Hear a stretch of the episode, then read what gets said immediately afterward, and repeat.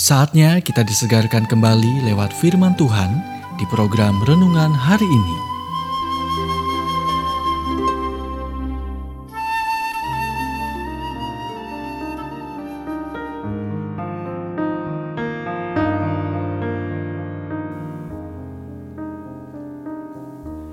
Kita melayani Tuhan yang Maha Pemurah.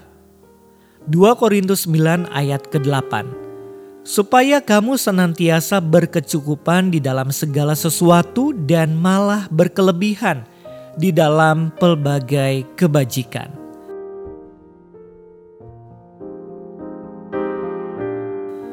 Tuhan bukan hanya kasih, Dia melimpahkan kasih kepada kita.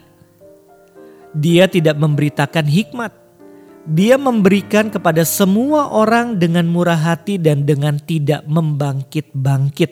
Yakobus 1 ayat kelima. Anak yang hilang mendapatkan anak sapi yang gemuk. Para tamu di pesta pernikahan di Kana mendapat anggur terbaik dan Petrus menangkap begitu banyak ikan sehingga perahunya mulai tenggelam. Paulus memberitahu kita, Tuhan menyediakan benih bagi penabur dan bahasa Yunani untuk menyediakan berasal dari dua akar. Pertama berarti menari dan yang kedua berarti memimpin.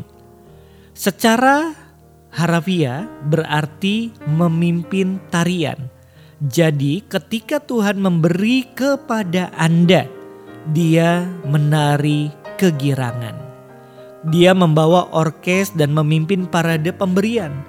Dia suka memberi.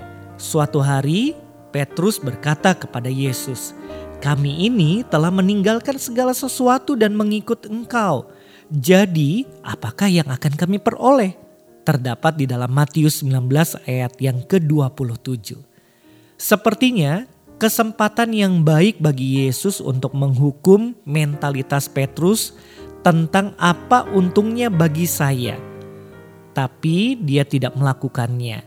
Sebaliknya, dia meyakinkan Petrus bahwa kita akan menerima seratus kali lipat dalam hidup ini dan juga mewarisi hidup yang kekal. Yesus menjanjikan keuntungan sebesar 10 ribu persen.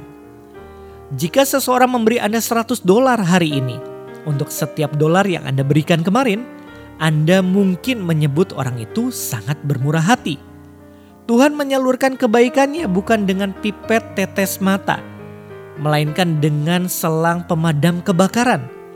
Bukan dengan cangkir teh, melainkan dengan samudera Pasifik. Anda tidak bisa menahannya. Jadi biarkan gelembung itu berhenti. Tumpahkan, tuangkan, kamu telah memperolehnya dengan cuma-cuma karena itu berikanlah pula dengan cuma-cuma. Matius 10 ayat 8.